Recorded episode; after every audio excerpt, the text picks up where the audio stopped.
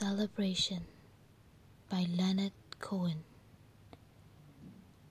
When you kneel below me and in both your hands hold my manhood like a scepter, when you wrap your tank about the amber jewel and arch my blessing, I understand those Roman girls who danced around a shaft of stone and kissed it till the stone was warm.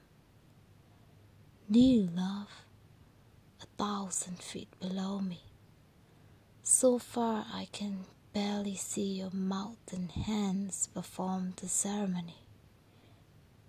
Kneel till I topple to your back with a groan like those gods on the roof that Samson pulled down.